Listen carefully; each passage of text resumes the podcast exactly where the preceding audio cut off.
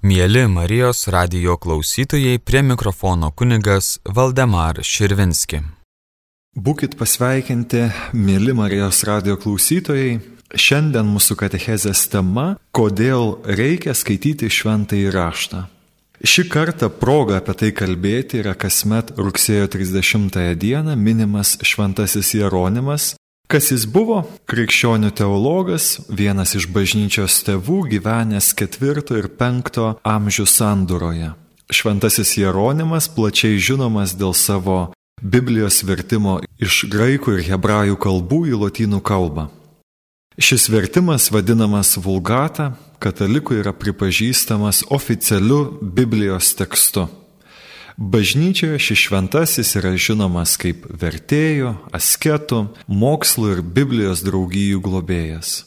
Kaip vaizduojamas Jeronimas, tai dažniausiai kartu su kitais trimis bažnyčios tėvais - šventuoju Augustinu, šventuoju Ambraziejumi ir popiežiumi Grigaliumi I didžiuoju. Kadangi šią katechezę jums uh, sakau iš telšių katedros, tai kai būsite telšių katedrai, Kviečiu, mėly klausytojai, pažvelgti į sakyklą esančią, jeigu žvelgtume tiesiai tiesiog į altorių, tai kairiai pusiai didinga sakykla, kurioje yra būtent pavaizduoti tie keturi bažnyčios tėvai su jiems būdingai simboliais, atributika galima sakyti. Ir šventasis Jeronimas paveiksluose yra vaizduojamas dažniausiai kaip rašantis, atgailaujantis, kaip barzdotas atsiskyrėlis dikumoje. Jo atributai - kaukolė ir liūtas. Kodėl, jeigu paklausite, tai kaukolė paveiksluose guli prie arba ant atviros šventojo rašto knygos. Ir tai simbolizuoja visų dalykų trumpalaikiškumą, laikinumą, o Dievo žodis priešingai. Jis yra amžinas. O liūto vaizdavimą paaiškina viena legenda, pasak kurios Jeronimas kartą ištraukė dyglį giliai įstrigusi liūto letenoje Ir nuo to laiko dėkingas gyvūnas vaikščiojo visur kartu su juo. Vienas jėzuitas bažnyčios tėvų žinovas apie šventąjį Jeronimą yra pasakęs, kad jeigu jau ši paskelbė šventuoju, tai nebejotinai ir kiekvienas iš mūsų turime šansą. Iš kur toks vertinimas keistas, ogi iš to, kad šventasis Jeronimas buvo nepaprastai sudėtingo charakterio žmogus, cholerikas, nesugyvenamas, jau tikrai nediplomatas, lengvai įsiveldavo į visokius ginčius, o tai būdavo dažnai viena iš priežasčių, kodėl turėjo keisti gyvenamąją vietą. Bet aišku, kad paskelbė į šventuoju ne dėl to, kad e, pykosi ir gerai tą darė, ir buvo aršus savo pokalbiuose su kitais, bet tai buvo taip pat veiklos žmogus, kuris nesuklystume, jei pasakytume vaizdžiai, kad savo viduje nešiojo taip pat liūtą, apie kurį jau kalbėjom. Buvo kupinas aistringo užsidėgymo ir meilės Dievo žodžiui. Žinomas ir dažnai cituojamas yra šventojo Jeronimo posakis, juk nepažinti rašto reiškia nepažinti Kristaus, nepažinoti Dievo žodžio, reiškia nieko nežinoti apie Jėzų. Kas yra tas raštas? Šventasis raštas, galima taip paprastai sakyti, Dievo laiškas mums, kuriame iš vienos pusės skaitome apie žmogaus kilnumą, apie jo silpnumą, tą polinkį į nuodėmę, nepaklusnumą, o iš kitos pusės veriasi vaizdas mums Dievo, kuris skuba pas žmogų su savo meile, kantrybė, su savo ištikimybė ir didžiuliu troškimu mus atrasti mūsų gyvenimo kasdienybei, ten, kur esame. O dažnai esame besislapstantis nuodėmėse ir įvairiausių kaukių bei melagyščių krūmose. Šventasis Jonas Auksaburnis, vienas žymiausių pamokslininkų rašytojų, sakė, nesitenkinkite vien tik tai tuo, kas bažnyčioje sakoma ir namuose šventai raštą skaitykite. Va taip, mėly Marijos radio klausytojai, neužtenka. Neužtenka išgirsti tik tai Dievo žodį sekmadienį. Toliau šventasis Jonas sako, tegu ne vienas neatsikalbinėja, esu pasaulietis, ne mano reikalas raštus skaityti. Kągi tu kalbi, argi tau nereikia šventojo rašto, kai esi įsipainiojęs į tūkstantį rūpeščių? Kamgi kitam labiau reikia šventojo rašto paguodas ir pagalbos, jei ne tam, kuris įsisukęs į daugybę darbų, kuriam nuolat grėsia nuodėmės pavojus. Tave persekioja priešas, klausė šventasis Jonas auksaburnis. Draugas apkalba, kaimynas gal peikia, bendradarbis apgauna, teisėjas tau grasina, gal neturtas tave spaudžia, giminaičio netektis nuliūdina, laimę gal padaro išdidu, o nelaimę nusiminusią. Tau kyla pyktis, rūpestis, nusiminimas, liudesys, pasiduodi tuštybei ar nusivylimui. Todėl apsiginkluok rašto ginklais. Skaityk raštą, kad piktosios dvasios strėlės atšiptų ir nuo tavęs atšoktų. Raginamus pamokslininkas Šventasis Jonas Auksaburnis gyvenęs ketvirtame, penktame amžiuose. Štai jau minėtas Šventasis Grigalius Didysis, popiežius bažnyčios mokytojas, sakė, Šventasis raštas yra kaip keista upė. Tokia sekli, kad joje net avinėlis, o tai reiškia paprastas ir nemokytas braidyti gali, ir tokia gili, kad joje kupranugaris, tai reiškia mokytas ir daktaras, paskesti gali. Taigi, kas yra šventasis raštas, jei ne visagalio Dievo laiškas savo kūriniai? Klausia ir pats atsako šventasis Grigalius didysis. Štai antrasis Vatikano susirinkimas ragina bažnyčią padėti sudaryti sąlygas Dievo tautai skaityti, tyrinėti raštus ir jais vadovautis maldoje. Cituoju. Krikščionims turi būti plačiai atvertas duris į šventąjį raštą. Taigi šiandienos katecheze kelia klausimą man ir kiekvienam iš jūsų, mėly Marijos radio klausytojai. Ar skaitote Bibliją? Jeigu ne, tai pradėkite. Jeigu taip, tuomet nenustokite ir teskite. Ar reikia?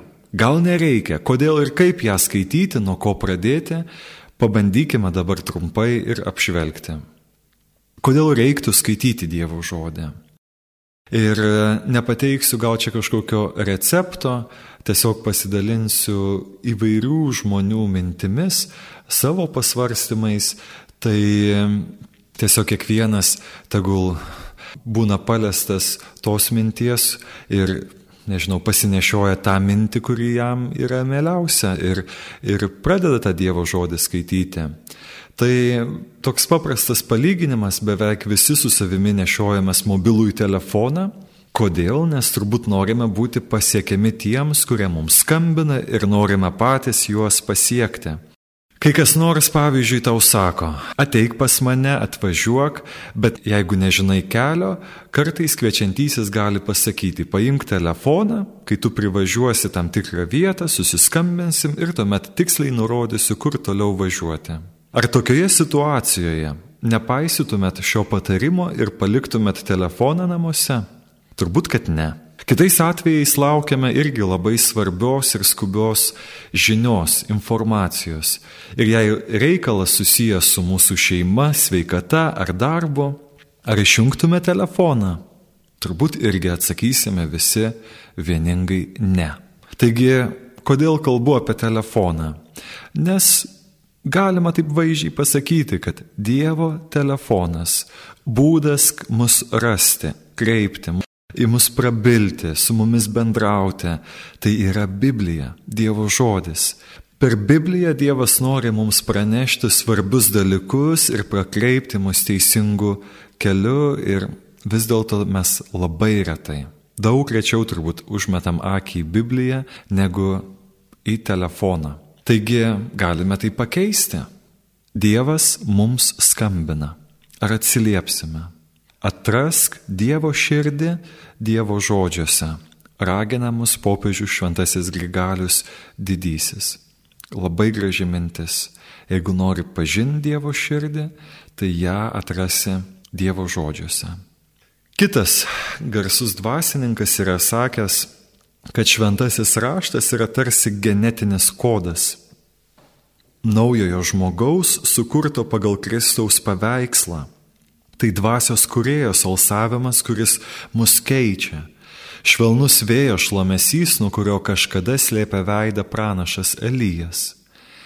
Štai kodėl mes juos vadiname įkveptais raštais, o mesgi dabar atidengę veidą kontempliuojame, apmastome viešpatės veidą įrašytą į mūsų vidų su krikštu ir pamažu tampame panašus į jį.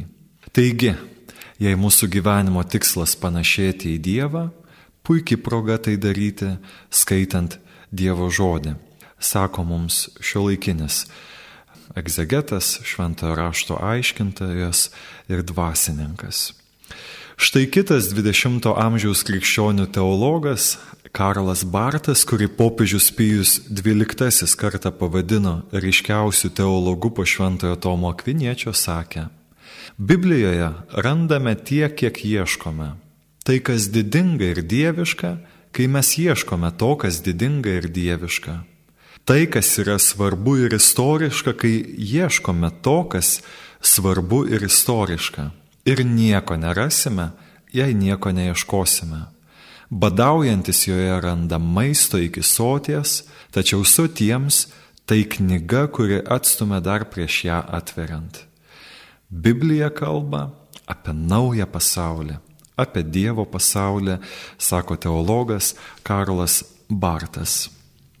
Taigi Mėly klausytojai, dar kitaip sakant, atėjo laikas užsiregistruoti mokykloje ir išmokti mums kalbą, kuri yra aukščiau visų pasaulio kalbų, svarbiau už visas pasaulio kalbas.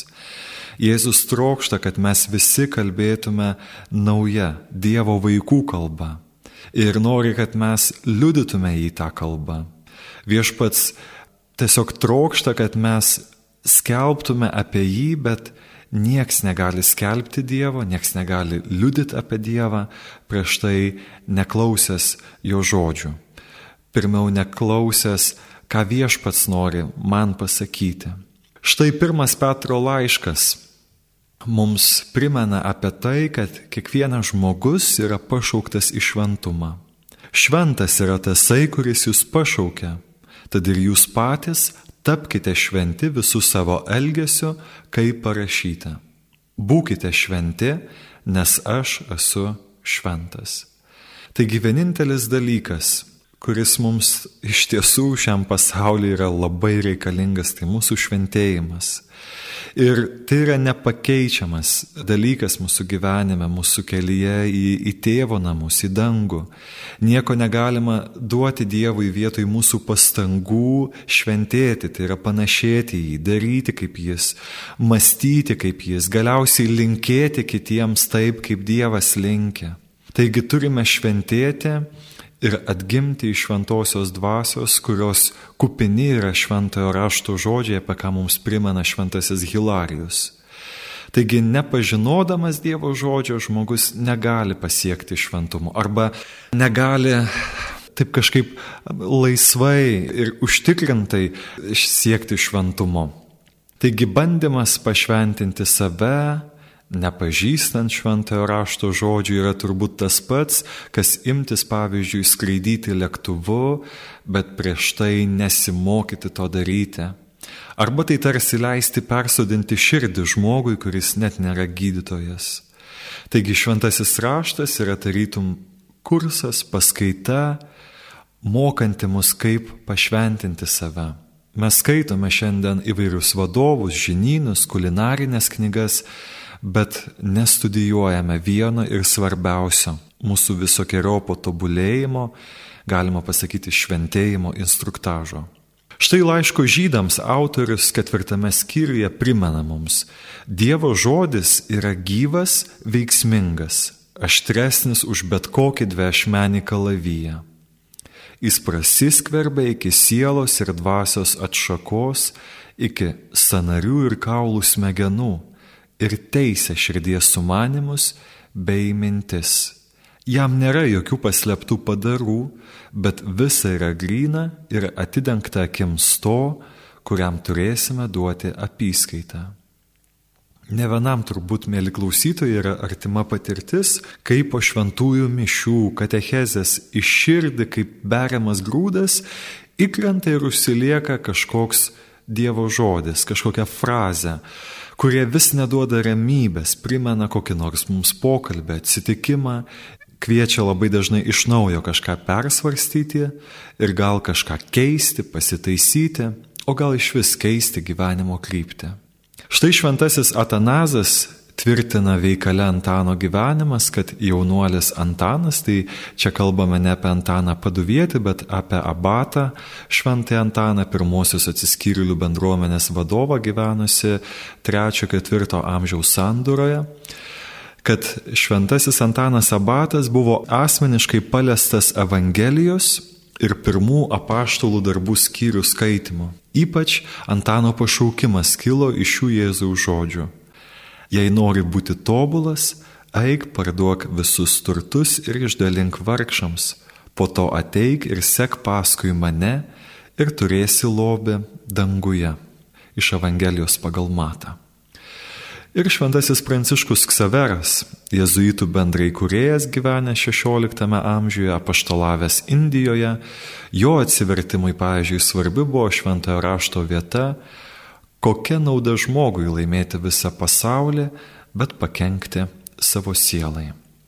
Taigi matome, kad kartais Dievo žodis gali mums taip pat padėti atrasti kažkokią naują gyvenimo, nežinau, kryptį, atrasti savo pašaukimą ir kažką pradėti daryti iš naujo su Dievo pagalba ir jam trokštant, kad mes kažką darytume.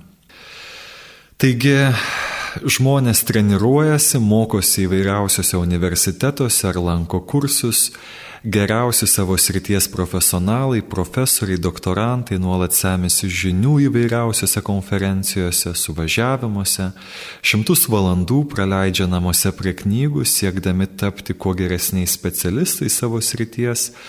Ir tai yra gerai, bet iš kitos pusės paskui savo jau gyvenimo pabaigoje, mirties akivaizdui turbūt kiekvienas žmogus gali pasakyti, žinau, kad nieko nežinau. Taigi savo asmeninį tobulėjimą, kuriam šio laikinis žmogus karštligiškai pasiduoda, turėtume kažkaip a, palikti nuošaliai šiek tiek. Tai yra svarbu, bet tai nėra svarbiausias dalykas. Tai turėtų keliauti į antrą vietą ir pirmą vietą keliame Dievo žodį, kad mokėtume gyventi ir mąstyti pagal jį ir kad gyvenimo pabaigoje mokėtume pasakyti, kaip apaštalas Paulius iškovojau gerą kovą, baigiau bėgimą, išlaikiau tikėjimą. Todėl manęs laukia teisumo vainikas, kurią aną dieną man atiduos viešpats teisingasis teisėjas. Iš antro laiško Timotiejui. Subito santo. Nedelsdami paskelbkite į šventuoju, šaukia minė, kai mirė Jonas Paulius II. Kas būtų popiežius, jei nepažintų ir neskaitytų šventojo rašto? Ta meilė Dievo žodžiui turbūt jam dar vaikystėje įskiepijo tėtis, su kuriuo kartu skaitydavo šventąjį raštą, kas anuomet tikrai nebuvo įprasta praktika. Kai 2005 metais, balandžio antrąją dieną, Šventojo Petro aikštėje būdėjo ir meldėsi minė tikinčiųjų, sesuo, vienuolė, kuri patarnavo popiežiui, jo prašymu, mirštančiam jam jau, skaitė šventąjį raštą. Jis prašė skaityti Evangelijas pagal Joną eilutes, o vėliau, kai perskaitė tą Evangeliją seselę, skaitė tiesiog nuosekliai tai, ką buvo popiežiui skaičiusi iš Senojo testamento. Ir mirties akimirka 21 val. 30 septynios minutės išventajame rašte pažymėjo kryžiaus ženklą ir užrašė žodį Amen. Paskutinė popiežiaus girdėta ištrauka buvo tokia. Iš antrosios karalių knygos 10 skyriaus 34-36 eilutė. O kiti Jehuo darbai, visa ką jis darė ir visi jo žygdarbiai, argi nėra aprašyti Izraelio karalių metraščių knygoje. Taigi Jehuas užmygo su savo protėviais ir buvo palaidotas Samarijoje. Jo sunus Jehoahazas tapo karaliumi jo vietoje. Jehuas valdė Izraelį 28 metus. Popiežius mirė skyręs nepilnus 27 metus visuotinės bažnyčios vadovavimui, čia 28, čia 27, tad labai gražus sutapimas ir man gal iš to yra gražiausia, kad popiežius Jonas Paulius II labai norėjo savo gyvenimo pabaigoje ne tik su visais atsisveikinti, ištarti kiekvienam gerą žodį, palinkėjimą, bet taip pat norėjo girdėti Dievo žodžius ir pats prašė, kad jam būtų prieš mirtį skaitomas Dievo žodis. Tai tebūnė tai taip pat padrasinimas mums prašyti iš Dievo tos meilės Dievo žodžiui. Tad jei diena iš dienos trokštame būti ne kūniškais, o dvasiniais žmonėmis, turime sotintis ir dvasiniu maistu Dievo žodžiu. Taigi Biblijos skaitimo tikslai, mėly klausytojai, gali būti labai įvairūs nuo smalsumo, kažkokio mokslinio susidomėjimo, troškimo kitiems nešti Evangelijos e, žinę, bet aišku, kad būtų svarbiausia, kad mes norėtume sutikti ir pažinti Dievą. Per Dievo žodį kažkaip eiti į gyvą santykį su Dievu, eiti į pokalbį su juo, o to pokalbio iniciatorius aišku, kad visada yra Dievas, kuris nepaliks mūsų ramybę, kuris kažkokiu būdu kvies mus paimti tą knygą, tą jo laišką į savo rankas, skaityti ir bandyti kažkaip su tuo Dievo žodžiu eiti gyvenimą. Yra įvairių skaitimo ir maldos su šventuoju raštu būdų. Jei pirmą kartą imate Bibliją į savo rankas, siūlau nepradėti. Nepradėti skaityti nuo pradžios iki pabaigos, bet skaityti, pavyzdžiui, Naująjį Testamentą. O Senąjį Testamentą skaityti bendruomenėje, kur su palydinčių asmenų pagalba, kompetitingų asmenų pagalba galėsite geriau suprasti ten skaitomų dalykų platesnį kontekstą, prasme, nes labai dažnai žmonės užsidega noru skaityti šventąjį raštą ir pradeda nuo pradžios knygos, bet po to, kai prieina prie kitų knygų, tai apkarsta tas skaitimas ir tada nubloškia ilgiems metams, jeigu ne iki gyvenimo pabaigos tą knygą kažkur į šalį. Tai tos klaidos jau nebedarykime, mėly Marijos radio klausytojai, bet tiesiog pradėkime nuo Naujojo testamento, o Senajam testamentui tikrai man atrodo, kad kiekvienam žmogui reikia palidėjimo. Galima tiesiog skaityti šeimoje, su toktiniai ar kartu su vaikais ar pavieniui. Galima po vieną arba kelis Naujojo testamento raštų skyrių skaityti. Galima galiausiai šiais laikais ir lietuviškai, ir kitomis kalbomis klausytis. Yra kompaktinės plokštelės, yra programėlės, kur užsienio kalbomis galima skaitytis tiesiog važiuojant automobiliu Dievo žodį. E, ir taip diena iš dienos. Štai antrasis laiškas Timotiejui mums sako, visas raštas yra Dievo įkveptas ir naudingas mokyti, barti, taisyti, auklėti teisumu, kad Dievo žmogus taptų tobulas, pasirengęs kiekvienam geram darbui. Štai vieno sekmadienio šventųjų mišių metu ir popiežius Pranciškus ragino, kasdien perskaitykime po kelias Biblijos eilutes Laikykime Evangeliją atverstą namuose, ant staliuko prie mūsų lovo, neškime ją su savimi kišenėje, skaitykime ją mobiliuosiuose telefonuose. Leiskime Evangelijai mūsų įkvėpti kiekvieną dieną ir atrasime, kad Dievas yra šalia mūsų. Jis apšviečia mūsų kelius ir su meile veda mus per gyvenimą. Jau ne kartą popiežius įvairiomis progomis yra išdalinęs šimtais Biblijos egzempliorių, taigi kviečiu studijuoti šventojo rašto knygas, ne tik jas skaityti ir pagalbos irgi ieškoti užsienio kalbomis, ypatingai internete. Koks būdas galėtų būti paprasčiausias skaityti ir melstis Dievo žodžiu, tai nuo seniausių laikų yra žinomas toks būdas lekcijo divina.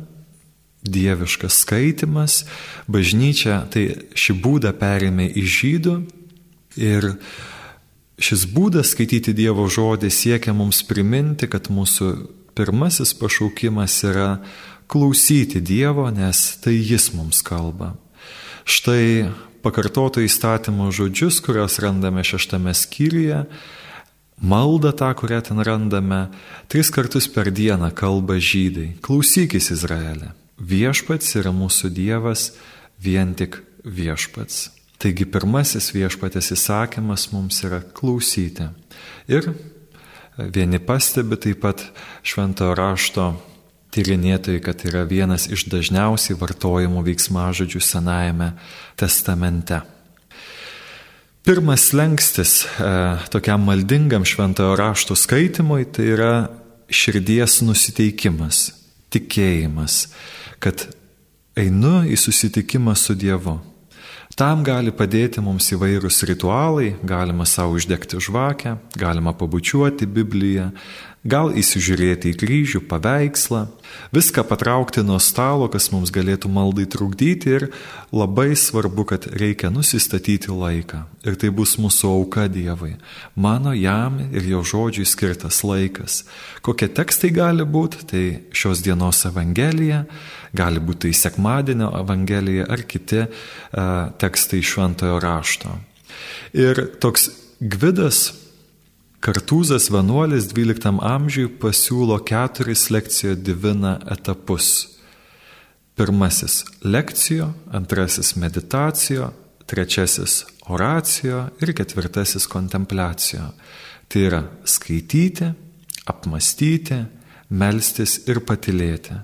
Tai visų pirma, reikia kartą arba du tą ištrauką paskaityti, įsiklausyti, gal irgi pasistengti galima šiek tiek nurimti, paskaityti dar antrą kartą, geriausia skaityti garsiai ir vėliau klausytis, kaip skamba šie žodžiai mūsų širdyje. Ir skaitydami galite taip pat žymėti, pavyzdžiui, klaustuką galite ten kur nors prie Dievo žodžio paminėti, kai kažko nesuprantu, šauktuką, tai, kas jūs nustebina, arba kažkokią strėlytę nupiešti, kas jūs palėtė. Antras dalykas, tai kai paskaitau kartą arba du ištrauką, tai einu į apmąstymą, ką šis tekstas sako man. Galima pasirinkti vieną frazę, pakartoti ją mintise, kad ji giliai manyje kažkaip įsirieštų, pasiektų e, mano širdį.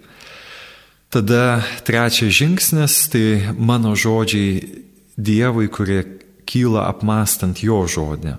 Tai gali būti atgaila, tai gali būti padėkojimas, kažkokie troškimai gali kilti, kada aš kalbu Dievui ir galiausiai reiktų palikti laiko kontempliacijai, tai yra tylai, ramybei, kai žodžiai išsenka ir tiesiog būname Dievo akivaizdoje. Ir aišku, kad šitie keturi etapai jie persipina, reikia leisti viešpačiui veikti ir šventai dvasiai. Taigi imu šventai raštą į rankas, kažkokią gal ištrauką, gal dienos evangeliją, skaitau kartą, du. Kviečiuos galbūt šventąją dvasę taip pat, kad padėtų man atlikti tą maldą su Dievo žodžiu, išgirsti Dievo žodį. Tada apmastau, ką sako man, tada stebiu, kas vyksta mano širdyje ir tas uh, Dievo žodžio skaitimas, kaip sakiau, gali atnešti mums įvairių minčių, ką noriu pasakyti Dievui ir galiausiai visada palieku laiko tylai. Kas padės teisingai suprasti Bibliją, tai kaip jau minėjau, šventoji dvasia, jos prašome prieš šventąjį raštą, padėkojame po skaitimo, kad jinai vadovautų, kad jinai kvėptų, vestų, at, mums tas prasmes atskleistų Dievo žodžio.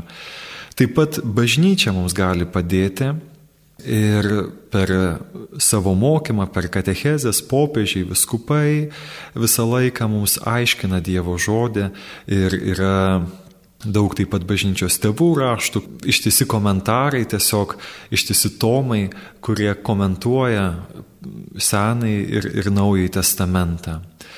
Taip pat, kas gali man teisingai padėti suprasti šventąjį raštą, tai yra krikščionių bendrystė. Svarbu per maldą gautais įkvėpimais, išvalgomis pasidalyti su savo dvasios tėvu ar su brandžiais krikščionėmis, kurie gyvena dvasinį gyvenimą, arba įsitraukti į parapijos šventojo rašto ir maldos grupelę, dalyvauti Biblijos studijų kursuose, apie ką galite susirasti informacijos arba savo parapijos raštinėje, arba internetiniam puslapyje. Ir specialioji pagalba asmeniniai maldai, tai gali būti e, mąstymo gairės ar meditacijos, kurias galite rasti leidinyje Magnificat, žodis tarp mūsų arba kitose leidiniuose. Taigi, geriau turbūt kartą pabandyti, negu šimtą kartų girdėti teoriją. Taigi kviečiu tiesiog daug negalvoti ir skirti laiko Dievo žodžiui, pradėti skaityti, apmastyti ir tikrai, mėly klausytojai, tai yra paslėptas lobis, kuriam atkasti reikės daug pastangų, bet vėliau tas atneš ir daug džiaugsmų. Šventasis Jeronimas, kurį minėjome katechezės pradžioje, sakydavo, daryk kažką, kad tave šetonas visuomet rastų užsiemusi. Tad tegul ši katechezė įkvepia mus neskaitinėti nieko visokiausio, kurie tik viską suvelia, apsunkina mūsų gyvenime, bet skaityti gyvą Dievo žodį, kuris įkvepia, moko, gydo, suteikia prasme bei įkvepia viltį. Tad sėkmės jums ir Dievo palaimos, imant į rankas Dievo žodį, jo įskaitant, klausant ir juo gyvenant. Tad į darbą, mėlyjei Marijos radio klausytojai. Su Dievu. Šioje laidoje savo mintimis dalinosi kunigas Valdemaras Širvinski. Likite su Marijos radiju.